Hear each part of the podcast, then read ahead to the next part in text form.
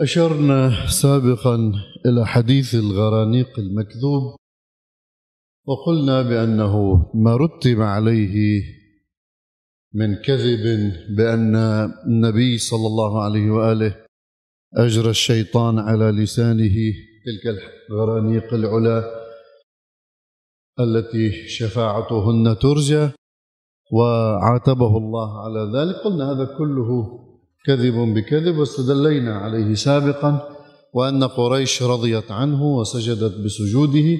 استدلينا على بطلان هذا وأن الذين هاجروا إلى الحبشة كانوا تسعة أنفار أو أكثر بقليل. عادوا لأنهم سمعوا بأن قريش أصبحت في صلح مع محمد صلى الله عليه وآله. لكن هذا كله ليس صحيح وإنما عادوا هؤلاء كما قلنا لأنهم سمعوا بإسلام حمزة وأن المسلمين أصبحوا يجاهرون بإسلامهم شعروا بالقوة من خلال إسلام حمزة أبي عمارة وأنه حدثت مناوشات في الحبشة آنذاك على ملكها العادل فلذلك جاءوا. لما جاءوا رسول الله صلى الله عليه وآله وسلم قال لهم بأن هؤلاء يعني القرشيين لن يدعوا أذاهم فأمرهم بالعودة إلى الحبشة وكانت هناك الهجرة الثانية وهي أوسع بكثير من الهجرة الأولى حيث ذهب ثلاث وثمانين رجل وثلاثة عشر امرأة أو أكثر بقليل من بينهم عثمان بن عفان وفلان وفلان من الصحابة فكانت هجرة واسعة ووفقهم الله أخذوا سفينة بعد أن وصلوا الظاهر جدة شاطئ جدة وأخذوا سفينة وصلوا إلى بلاد الحبشة. على كل حال في هذه الهجرة حدث أن قريش أرسلت يعني عمرو بن العاص معروف بال بالاحتيال والدهاء وعبد الله بن أبي ربيعة وعمارة بن الوليد بن المغيرة وأرسلت معهم هدايا للنجاشي على أساس أن يعيدوا هؤلاء إلى مكة. وأتوا إليه وحادثوه كما أخبرناكم سابقا. والنجاشي أحب أن يسمع يعني من المسلمين فدعاهم إليه يعني للمسلمين. وقالوا يعني قال تحدث بلسانهم جعفر الطيار بن أبي طالب رضوان الله عليه. قال أيها الملك كنا قوما أهل جاهلية. نعبد الأصنام ونأكل الميتة ونأتي الفواحش ونقطع الأرحام ونسيء الجوار ويأكل القوي منا الضعيف. فكنا على ذلك حتى بعث الله إلينا رسولا منا نعرف نسبه وصدقه وأمانته وعفته. فدعانا إلى الله لنوحده ونعبده ونخلع ما كنا نعبده من أصنام. نحن وآباؤنا من الحجارة والأوثان. وأمرنا بصدق الحديث وأداء الأمانة وصلة الرحم وحسن الجوار والكف عن المحارم والدماء ونهانا عن الفواحش وقول الزور وأكل مال اليتيم وقذف المحصنات وترك الظلم وعدم وأد البنات وأخذ يعدد له وأن لا نشرك بالله أحد وأن نعبد الله وحده لا شريك له وأمرنا بالصلاة والصيام. هذا الرسول الذي جاء يأمرنا بهذا فآمنا به وصدقناه و فقال له النجاشي هل تحفظ شيئا مما جاء به من كتاب الله؟ قال بلى. فتلا عليه سورة مريم كما ذكرنا سابقا ودمعت عيناه وقال النجاشي والله هذا إن هذا إلا وحي السماء. وبعد ذلك رد عليهم هداياهم وطردهم من عنده وأجار هؤلاء المسلمين. وبقوا عنده طيلة الفترة التي يعني إلى إلى بقوا في في مكة إلى أن هاجر عفوا بقوا في الحبشة إلى أن هاجر النبي إلى المدينة وسيأتي عودتهم بعد عند ذكر المدينة. في هذه الأثناء ضاقت ذرعا قريش يعني برسول الله وبأن المسلمين هاجروا وكبرت يعني قويت شوكتهم وكثروا في بلاد الحبشة وهذا دليل على أنه ممكن يتكاثروا ممكن يستمع إلى دعوتهم أناس آخرون وتقوى شوكتهم. هذا الشيء جعل في أنفسهم الكثير من الضيق والكثير من الحسد وأخذوا يحاربون محمدا صلى الله عليه وآله بشتى الوسائل. وذكرنا لكم سابقا كيف جاءوا إلى أبي طالب وحذروه إلى أن أخذت قريش يعني آه، تحاول آه، أن تتحدث مع القبائل ضد قريش وضد بني هاشم وانه بني هاشم حاميين ساحة محمد آه، الذي يدعي النبوة والذي يفرق بين احبابهم بين أحبابهم وحرضت القبائل عليهم. لما حرضوا القبائل عليهم خاف أبو طالب رضوان الله عليه خاف من ماذا؟ من قتل رسول الله. لأن قريش بعد ما قادرة تتحمل وأذيتها ما عم تنفع وما قادرة إن تقتل محمد مباشرة لأنه بني هاشم حامينه. طبعا الحامي الله بس عم نقول إنه الإنسان بس يكون عنده عزوة ما حدا بيسترجي يدق فيه. بينما إذا ما كان له ظهر هاي الناس هيك. شوفوا الآن مثلا العشائر. آه، إذا مثلا واحد بالعشيرة في وراء ظهر اللي هو عشيرته بيقدر يعمل اللي بده إياه. حتى الدولة بدقس فيه بعد شوي. بينما إذا ما له ظهر ما عنده حدا هذا تعبيرنا الشعبي. فبتلاقي الكل يستبيحه. شيك؟ إن رسول الله كان بنو هاشم حامينه بعبارة خصوصا عب آه، يعني آه، عمه أبو طالب رضوان الله عليه. ولذلك خاف عليه من الغيلة اغتيال. فجمع بني هاشم في الشعب. شعب أبي طالب. وقريش قررت عند ذلك أن تقاطع بنو هاشم أن تقاطعهم بكل أنواع المقاطعة. وكتبوا بذلك تداعوا كبارهم وكتبوا بذلك كتبا على أن يعني آه، آه، كتبوا اما أنه إما أن يرجع إليهم محمدا مهادنا وإما القضاء عليه وعلى من معه من الهاشميين. اعلنوا الحرب. طيب خصوصا بعد اتفاقهم مع كذا قبيله من القبائل. وحاصروهم في تلك الشعب وعلى أن يموتوا جوعا من غير أن يكونوا يعني مطالبين بدم مطالبين بدمه. وقت اللي بيموتوا كلهم سوا بحاصروهم ما قتلوهن فلذلك هذا الحصار هو نوع من الضغط النفسي على كل الناس. أنت وقت بتضغط على الناس معناته بتضغط على قائدهم أو زعيمهم أو اللي عامل لهم قلق. مش هيك؟ مثل ما هلأ عم بيصير. يعني بيجوا مثلا بيضغطوا على الناس نفسيا حتى يضغطوا على بعض الموجودين مثلا. بيضغطوا على جهة لتضغط على فرد من هذه الجهة أو من هذه الجماعة. هذا هذه الأساليب النفسية التي يستعملها الاستكبار أينما كان ومن وأيا كان الذي يمثله يستعمله في الضغط على الناس. يعني من خلال يريد مثلا إزاحة شخص فيستعمله من خلال الضغط على أقربائه أو حماته أو الذين يناصروه. فاستعملوا هذا الأسلوب وكتبوا كتابا تعاقدوا فيه على أن لا يناكحوا يعني يتزوجوا من بني هاشم ولا يزوجوهم ولا يتعاملوا معهم بشيء بيعا وشراء مهما كان نوعه ولا يجتمعوا معهم على أمر من الأمور ووقعوا على هذه الصحيفة سميت صحيفة المقاطعة وعلقوها على الكعبة. وحينئذ دخل كل بني هاشم يعني في شعب أبي طالب هاي منطقة شعب أرض لأبي طالب. طيب دخلت كل الناس كل بني هاشم فيها مؤمنهم وكافرهم. دخلوا في الشعب ما عدا أبو لهب يعني هذا ما دخل. أبي لهب بن آه، وأبو سفيان الحارث بن عبد المطلب قريب لبني من بني هاشم يعني قريب لهم وبالي هذه الجماعة والباقي كلهم حاز لعبد المطلب آه، عفوا لأبو طالب عبد مناف باعتباره هو سيد بني هاشم كان.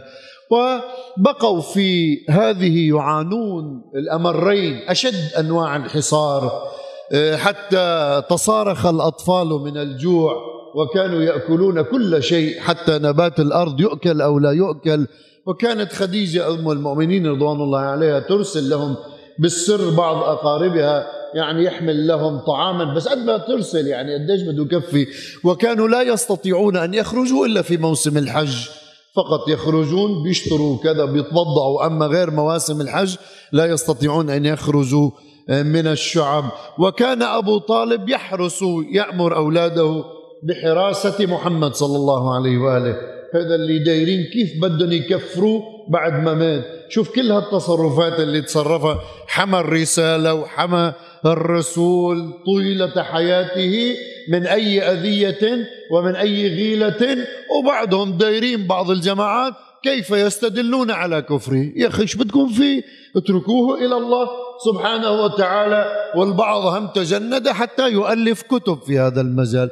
أنا ما أدري هاي عقلية بعض المسلمين التكفيرية يعني مجرد البغض أو مجرد أنه شو هالحدث العظيم هذا اللي أنت بدك آه، يعني تكسب فيه أجر وثواب. بدل أن تذكر أن أبا طالب حمى رسول الله صلى الله عليه وآله ومنع قريش من أن تقترب منه. وكان يحميه بأولاده وكان يأمره في الشعب أن ينام فيراه كل بني هاشم نام ها هنا مثلا. ثم إذا ما نام الناس أتى إليه أيقظه ووضع ولدا من أولاده مكانه وأضجعه في مكان آخر. خيفه أن يدخل إليه أحد ويقتله على فراشه؟ وقد وضع الحرس على باب الشعب من الجهات التي يمكن أن يدخل إليها المتسللون خوفا على رسول الله صلى الله عليه وآله. أنت بدل ما تذكر كل هذه المناقب لهذا الرجل ولا يجرمنكم شنآن قوم على ألا تعدلوا اعدلوا هو أقرب للتقوى. هذا الرجل قدم خدمة للإسلام. ولرسول الإسلام بحمايته لرسول الله. داير كيف بدك تكفروا والله عجيب عجيب بعض بعض المسلمين يعني في عقليتهم. على كل حال بقوا هكذا ثلاث سنين حتى ما نطول الشرح. حصارا قريب الثلاث سنين. وبلي أضاب يعني آه، دعوا جماعة ما رضيوا يعني من مثل آه، هشام بن عمرو أحد بني عامر. كان يأتي مثلا بالبعير ليلا. محملا بأنواع التمر والطعام إلى فم الشعب ويتركها فيأخذونها. وكذلك يعني قريب يعني رجل آخر رجال كانت ترسلهم خديجة أم المؤمنين رضوان الله عليها. حتى قال ابن كثير في تاريخه إن أبا طالب كان إذا أخذ الناس مضاجعهم أمر رسول الله. هاي الرواية اللي قلنا لكم إياها واوردها ابن كثير. وكذلك يعني ورد روايات أخرى في هذا المجال. وإلى أن يعني تداعى زهير بن ابن أبي أمية بن المغيرة المخزومي وأمه عاتكة بنت عبد المطلب قريب لبني هاشم. هذا بعد ما قبل إنه معقول يعني يترك قومه يهلكوا في الشعب من دون ما يحرك ساكنا. راح لعند رجل آخر اسمه مالي اسمه أبي البختري بن هشام. فقال له يا أخي أنا مثل حكايتك رافض بس جيب لنا واحد ثالث معنا. راح لعند رجل ثالث اسمه زمعة بن عبد المطلب بن أسد. كمان حكي معه قال له جيب لنا ثالث قال له في ثالث جيب لنا رابع زهير بن أبي أمية هم جابوه معهم.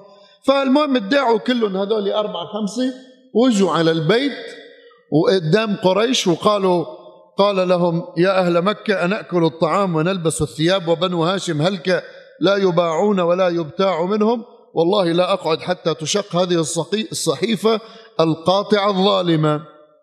فقال له أبو جهل آه، بل كذبت والله لا تشق. فقال له زمعة بن الأسود أنت والله أكذب ما رضينا كتابتها بس هي وين بعد قريب ثلاث سنين يعني. بنفس الوقت النبي أخبر عمه أبو طالب قال له والله يا عم لقد أخبرني الله سبحانه وتعالى أو جبريل عليه السلام أن الأرض دودة قد أكلت الصحيفة بل وهذه من الدلائل على نبوته وأنها أكلت كل شيء ولم تترك منه الكلام إلا باسمك اللهم.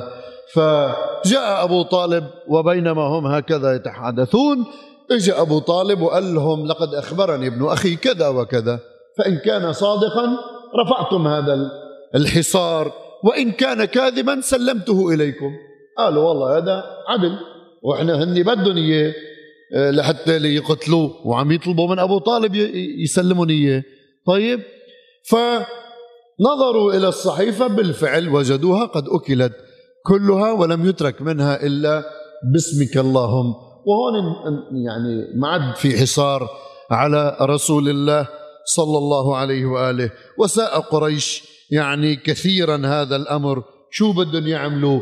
صدق محمد في قوله. ارتفع الحصار. النبي محمد صار يلتقي بالوافدين خصوصا بمواسم الحج ويعرض عليهم الإسلام.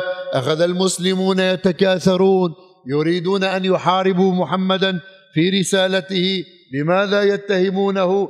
صاروا اولا راحوا جابوا النظر بن الحارث. هذا الرجل كان يحفظ يختلط بالحيرة ويختلط بالفرس وبالكذا. ويحفظ القصص. ألف ليلة وليلة. يحفظ قصص الفرس وملوكها والكسرى وملوكها وقيصر وإلى آخره.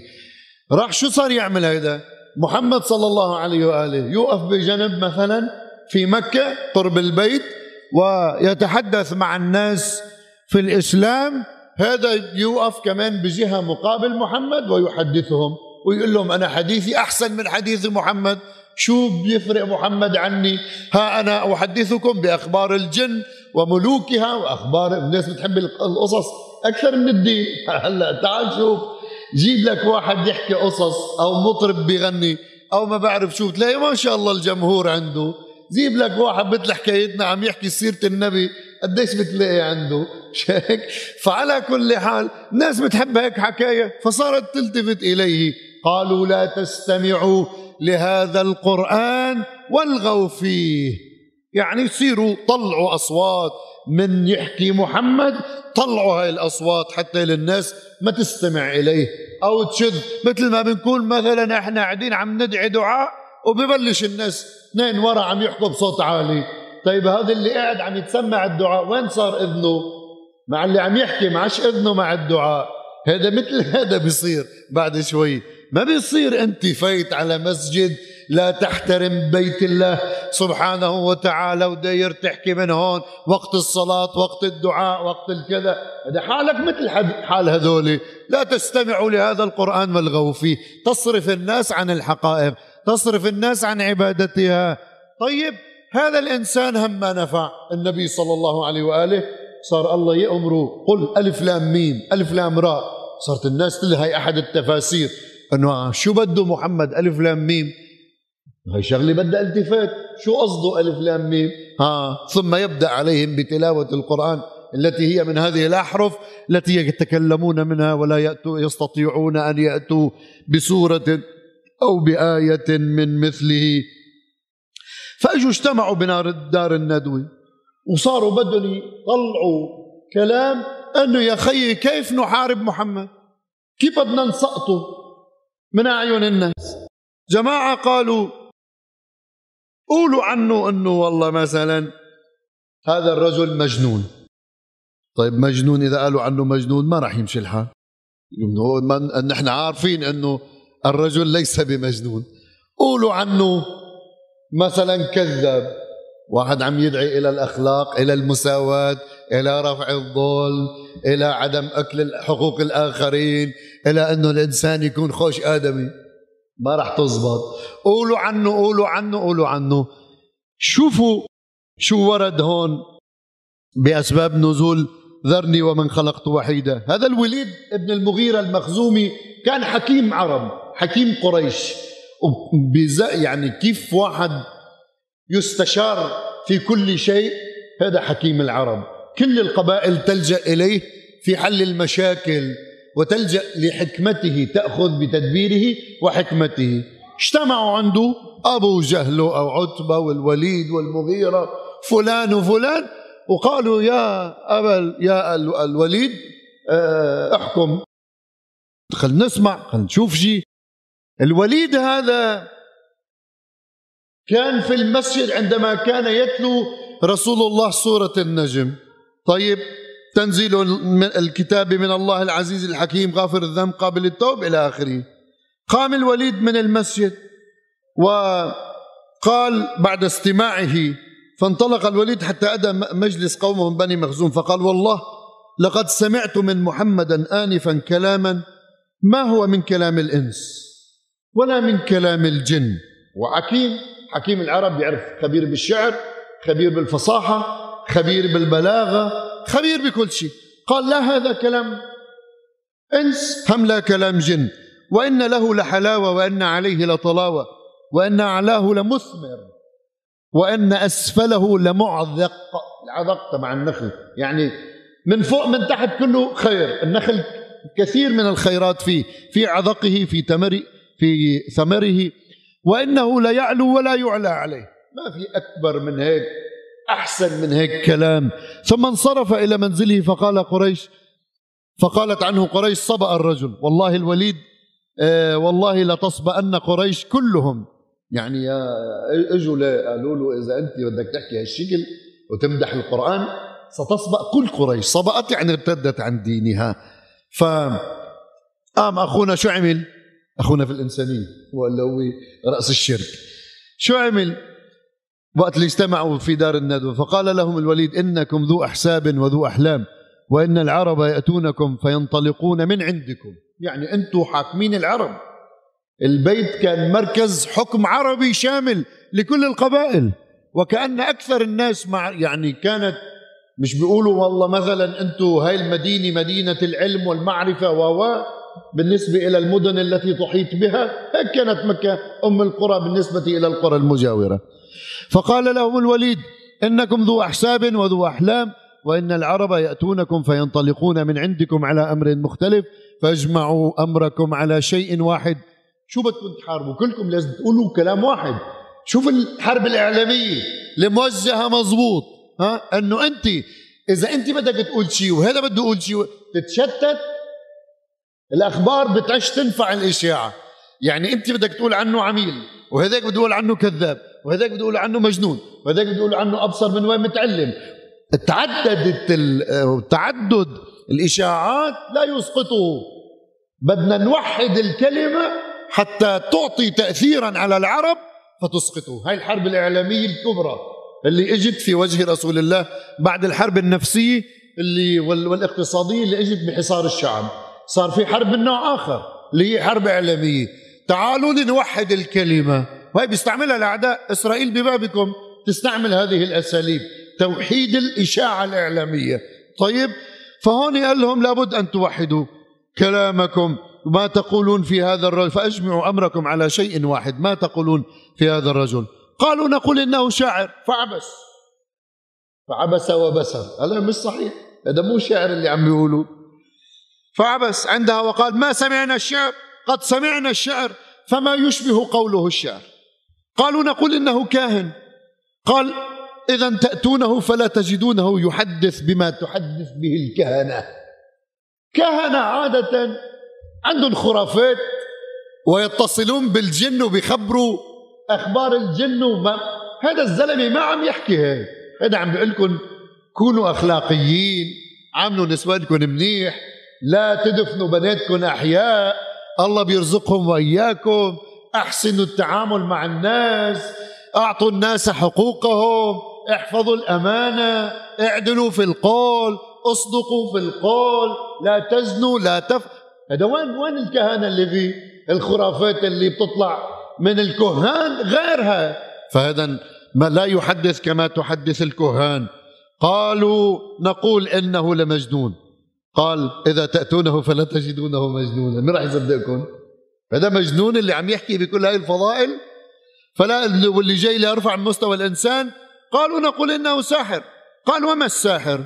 قالوا بشر يحببون يحببون بين المتباغضين ويبغضون بين المتحابين. قالوا له ساحر. قال لهم لا هذا مش سحر. لأنه السحر هو عبارة عن ألعاب خفية تريك ما ليس بواقع واقع. بدكم تنقوا شيء تاني. قالوا له خلينا نقول ساحر يفرق بين الأحبة. مش اللي بيفرق بين الأحبة الناس بتقول عنه سحرهم. خلينا نقول ساحر من النوع الثاني. استحسن ما عادش في قدامه شيء وحكيم العرب قال له معلش خلينا نقول ساحر بس مش مثل ما أنتم عم تقولوا. ساحر يعني يفرق بين الحبيبين لأنه باعتبار هذا آمن هذا ما آمن بقي على الكفر.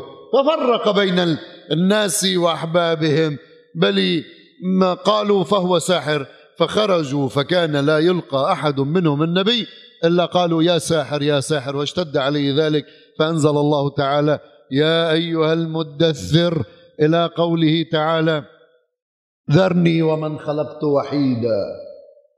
يوم الأيام حساب المغيرة واحد حساب حساب المغيرة بن سعيد المخزومي حسابه غير حساب البشر لأن بسببه أصبح الضلال منتشرا. ووقف الناس كلمة واحدة في وجه رسول الله صلى الله عليه وآله. ولذا لازم ينتبه الناس الذين يطلقون الإشاعات ضد المصلحين والربانيين والذين يقولون الحقائق عبر التاريخ فيتهمونهم بالعمالة أو يتهمونهم بالصبئ عن هذا المذهب أو ذاك المذهب أو يتهمونهم ليبعدوا الناس عنهم. فأول من يصدر الإشاعة يتحمل مسؤولية العقاب يوم القيامة أكثر من كل من شارك في نشر الإشاعة. واليوم الإشاعة بتنتشر أسرع على هاي وسائل التواصل الاجتماعي. لذلك لازم ينتبه. الله عم بحذرنا من, ها من أن لا نكون مثل هذا لأن كثيرا من المسلمين اليوم يحاربون المصلحين بحجة أنهم على حق وأن بيدهم الحق وأنهم المذهب الحق. والكل لا يستطيع أن يقول معي حق مئة في المئة وغيري على باطل.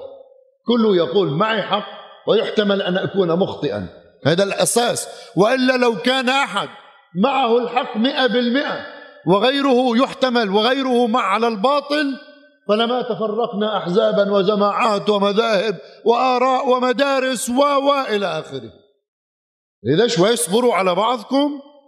وما حدا يتهم حدا ويطلع إشاعة ويفتحوا صفحات من هون الضال الفلاني. هذا اللي بيكتب الضال الفلاني على صفحة فيسبوكية ليقطع كلام كذب وينشر. هذا مثل الوليد بن المغيرة المخزومي نفس الشيء. الخطاب اجى له لأنه حارب. قال له ذرني ومن خلقت وحيدا. أنا اللي خلقته بدون واسطة. وعذابه علي. بس عذابه سيكون شديدا. لاحظ الله شو قال؟ وجعلت له مالا ممدودا وبنين شهودا. كل شيء أعطيته للوليد. وحتى صار حكيم قريش.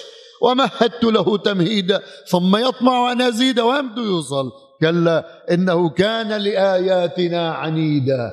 هو يؤمن إنه هي ما انه عم بيقول لهم هذا مش جنون وهذا مانو سحر وهذا مانو شعر وهذا مانو كذا. طيب أنت وقت اللي عم تقول هذا مانو كذا ومانو كذا ومانو كذا معناته شو؟ معناته أنت معتقد إنه معه حق بس عنادا ما بدك تقول معه حق عنادا. ولذا أنا أتهم كل الذين يحاربوننا. خط المعتدل الوسطي القرآني المدرسة التي ننتمي إليها أنا بتهمهم بهذه الاتهامات ما مرة جيتوا بدليل تستطيعون أن تجابهوا أدلتنا. ما عندكم إلا الشتائم مثل الوليد بن مغيرة وجماعته نفس الشيء. طيب ثم كلا إنه كان لآياتنا عنيدا سأرهقه صعودا إنه فك وقدر بشو بدي حاربه لمحمد؟ منو ساحر منو شاعر؟ منو مجنون؟ منو منو؟ شو بدي حاربه ثم قتل كيف قدر. الله سبحانه وتعالى جعل له هيك حالة نفسية قلقة حتى لي يعرف شو اسمه من من شدة التفكير كيف سيقضي على رسول الله. ثم قتل كيف قدر ثم نظر ثم عبس وبسر. بس قالوا له مجنون عبس. شو مش صح هذا؟ منو مجنون؟ ثم أدبر واستكبر فقال إن هذا إلا سحر يؤثر إن هذا إلا قول البشر. الله قال سأصليه سقر. وما أدراك ما سقر لا تبقي ولا تذر لواحة للبشر إلى آخره. هذا هو يعني المجابهة التي كانت بين قريش وبين رسول الله صلى الله عليه وآله. هيك بنكون قطعنا قديش؟ عشر سنين من نزول الوحي إلى هنا. في السنة العاشرة كانت وفاة خديجة أم المؤمنين عام الحزن ووفاة أبو طالب سنتحدث عنه إن شاء الله بعد محرم.